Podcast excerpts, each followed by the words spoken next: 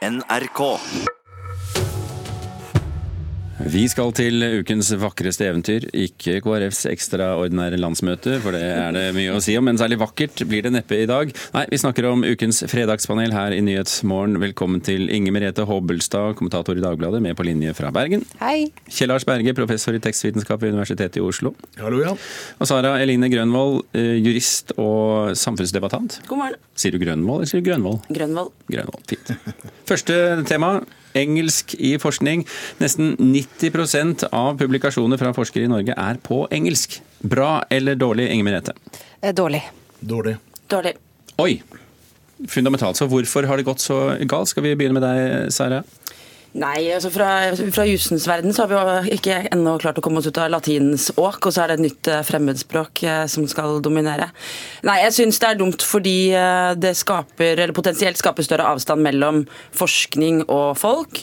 I tillegg til at i profesjonsutdanningen så tenker jeg det er viktig at forskere, f.eks. om det er innen barnevern, formidler kunnskap på en slik måte at de som jobber på feltet kan forstå hva det er. Men forskningen er jo i sin natur internasjonal, Kjell Lars. Ja, selvfølgelig. Og vi som er forskere gjør jo begge deler. Men man skal jo også skrive på norsk, og det er det som er problemet her, at folk slutter å skrive på norsk. Hvorfor gjør de det? Nei, det tror jeg er veldig mye prestisje. Jeg nekter å tro på det at de ønsker å bli internasjonalisert, alle sammen. Altså, En masteroppgave på engelsk vil jo ikke bli lest av amerikanere, for å si det på den måten. Men, Eh, men den blir jo i hvert fall ikke lest hvis den står på norsk. Jo, da kan den bli lest av folk, og folk som virkelig har nytte av den ute i samfunnet. Jeg har masse eksempler på flinke studenter som jeg har hatt, som har skrevet masteroppgaver som har stor utbredelse, og som brukes ute i samfunnet. Så det er helt opplagt. Det er bare snakk om å spre kunnskapen på en god måte. Og det skal de jo også gjøre.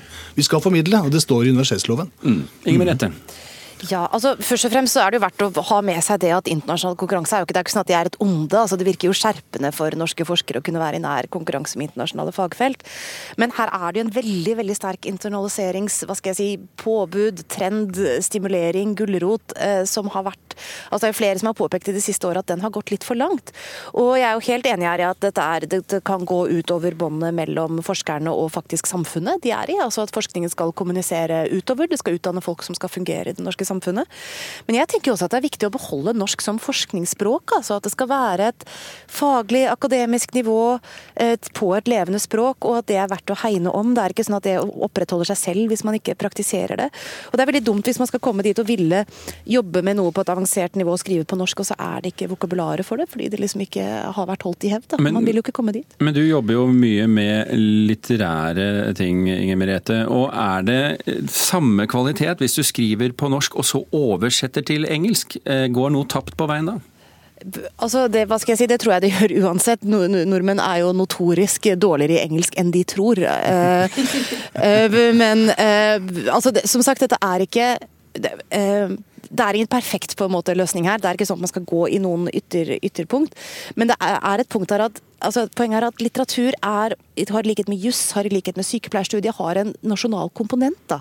Dette er jo fag som skal utdanne folk som skal ut og virke med norske pasienter, forholde seg til norsk lovverk osv. Eh, og da er det ikke, altså det å gå omveien via engelsk da virker jo ikke å være så hensiktsmessig. Men er det ikke slik også i jussen at hvis man eh, skal ha en forhåpning om at eh, språket skal utvikle seg med internasjonale trender, så må det brukes også på det språk som brukes internasjonalt, er det ikke sånn? Jo, men det er jo både og, og jeg syns ikke nødvendigvis det er noen sånn motsetning her. Men det er innenfor det, hvis man jobber med forvaltningsrett eller forvaltningsjuss, så er det jo åpenbart norsk man må bruke. Både fordi det er det norske lovspråket, og som, som du var inne på, at noe blir borte på veien. Og da blir ikke innholdet like presist som det det opprinnelig var. Og det et, det kan jo potensielt, for å legge liksom, strekk på det, være et rettssikkerhetsproblem. da. At jussen skal være, og de, den ordlyden som er valgt i, forvaltningsloven fra 1967, den er valgt av en grunn. Og den vil bli annerledes om man endrer på det. Men om man skriver komparativ juss og sammenligner rettssystemer her og der, så er det jo selvfølgelig et helt annet, annet bilde. Og da vil det jo være naturlig å skrive på engelsk. Vi bytter tema til noe som det ikke er så lett å sette opp faste regler for, nemlig eh, kunsten. Denne uken så ble nemlig portrettet 'Portrait of Edmund Bellamy' solgt på en auksjon i New York for tre millioner kroner. Og En av grunnene til at dette ble en sensasjon i kunstverdenen, det er jo det at bildet er ikke skapt av et menneske, det er skapt av kunstig intelligens. Og spørsmålet vårt, og vi kan begynne med deg, Sara. Um, bilder frembrakt av datamaskiner, er det kunst? Ja. Nei. Nei. Du skal få anledning til å forsvare ditt aparte syn. Uh, ja, nei, jeg mener at det, det er kunst, eh, men at kunsten ikke er laget av datamaskinen, men at den da er laget av det kunstnerkollektivet som står bak de algoritmene som har blitt brukt. da. Så, så det er bare et, et annet verktøy, er det det du sier? Ja, du kan, Det er kanskje, kanskje litt voldsomt å si at du kan sammenligne med en pensel, men du kan i hvert fall sammenligne med å få en hund til å male, f.eks. Dette er jo ikke noe nytt. da. Altså, jeg vil minne om at i Moderne museet i Stockholm så henger det en, en, en do. Marcel Duchamps eh, berømte Readymate, ikke sant? hvor altså poenget er at kunstverket blir skapt av den som ser på kunstverket, akkurat som du sier. da. Men jeg synes nok, eh, sett fra et kunstnerperspektiv, de som skaper kunst, så er jo dette her eh, trist utvikling, for å si det sånn. Ja, hvorfor det? Nei, fordi at Kunst er jo håndverk og design og kvalitet og hardt arbeid over tid. Å utvikle kunstneriske ferdigheter på høyt nivå er ikke, kommer ikke av seg selv. Altså, det er noe som folk har i seg, og noe som de utvikler ved å jobbe med materialet. Mm. Inger Merete? Nei, jeg tenker jo at kunst er noe som fordrer en bevissthet, og er det en ting datamaskiner jo ikke har, så er det jo det. De har fryktelig mye annet, men det er jo, de, er på, de er jo fryktelig fryktelig smarte og fryktelig fryktelig dumme samtidig. Og det ble jo nevnt eksempelet med Duchamp her. altså Det var jo et, tross alt noe som han, en bevissthet, hadde hengt opp på veggen for å få en bestemt eh, effekt. Men vet du hva, når jeg leser sånne saker, så begynner jeg å tenke på den filmen som het Her, der det er en mann som forelsker seg i et operativsystem, som har liksom den slørete stemmen En- en til Scarlett Johansen. Ja, ja, og konversere med ham, man kan liksom fortelle henne alt av det. Og så plutselig spør han snakker du med noen andre nå, og så sier hun liksom nølende ja, og så spør han hvor mange, og sier hun nei, eh, 2652. Ikke sant? Altså, du kommer til det punktet hvor du merker at det å være en bevisst, noe bevisst og det å ikke være noe bevisst eh, er relativt vesentlig. Da. Jeg vil jo si at det gjelder kunsten også. Hvis man vil eh, virkelig merke hvor fælt dette er, så skal man gå ut på YouTube og høre den maskinen som har laget, forsøkt å lage Beatles-låter. Det er ikke Beatles, altså. det er ganske enormt stygt. ikke ennå, nei. Men, men eh, Sara, jeg kjenner en, eh, en kunstner som under utdannelsen fikk oppgaven eh, lag noe, fremstill noe som ikke er kunst. Og da sleit de. Um, så, så da er vel alt kunst, i, hvis det er ment å være kunst, da? Nei, men jeg er, nok, jeg er nok enig i det at det, det fordrer en eller annen form for bevissthet og en idé eller en tanke bak det. Uh, og det kan jo ikke en maskin ha, åpenbart. Men jeg mener jo da som sagt at det er det kunstnerkollektivet som ved gjennom ideen sin om å lage det jeg mener da er kunst, på denne måten likevel oppfyller eh, kriteriene til å være kunst. da. Vi, ser vi kan jo se for oss en voldsom produksjonsmengde her, Da. Ja, men altså, Hvem som helst kan jo gjøre dette, selvfølgelig. Men eh, ut fra kunstnernes, altså de som skaper kunsten sitt ståsted, mener jeg, så jo, har jo ingenting med kunst å gjøre. Kunst er jo håndverk, skaperkraft, kvalitet, eh, utvikling av materialer. altså Alt det som på en måte gjør at du bearbeider ting ikke sant, og skaper noe som er unikt ditt. da, Det er jo det som er kunstig. Så, så får vi, vi andre da, som ikke kanskje har de evnene, på en måte prøve å tilpasse oss og forstå verket fra kunstnerens side. da. Vi holder oss i symbolikkens verden, men vi flytter oss fra kunst til emojis, altså disse smilefjesene og andre eh, såkalte følelsessymboler. Du bruker dem på sosiale medier og i tekstmeldinger, og de kan være kjekke å ha, men det er kanskje ikke så utvetydig som man skulle tro.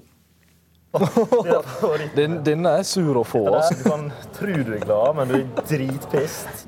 Hvis du får en lang melding med denne etterpå, da er du ferdig. Da er det over. Det er punktum før meg, så det er bare å legge seg. Det signaliserer at man er blid og fornøyd, og at man mener noe godt med kommentaren sin. Det er en bra greie. Ja, det er altså eldre som mener at dette smilefjeset uten stor munn uttrykker at man er blid, mens de yngre mener at nei, da er man ikke blid nok. Altså mer mot sur. Så spørsmålet til dere er, og vi kan begynne med deg, Kjell Lars, skaper bruken av disse symbolene flere problemer enn de løser? Nei. Nei. Nei. Nei, altså, det, det er veldig morsomt eksempel dette. Altså, jeg var en gang med i en internasjonalt miljø, og vi skulle forsøke å lage eh, tegn som til enhver tid, i all framtid viste at her var det atomavfall.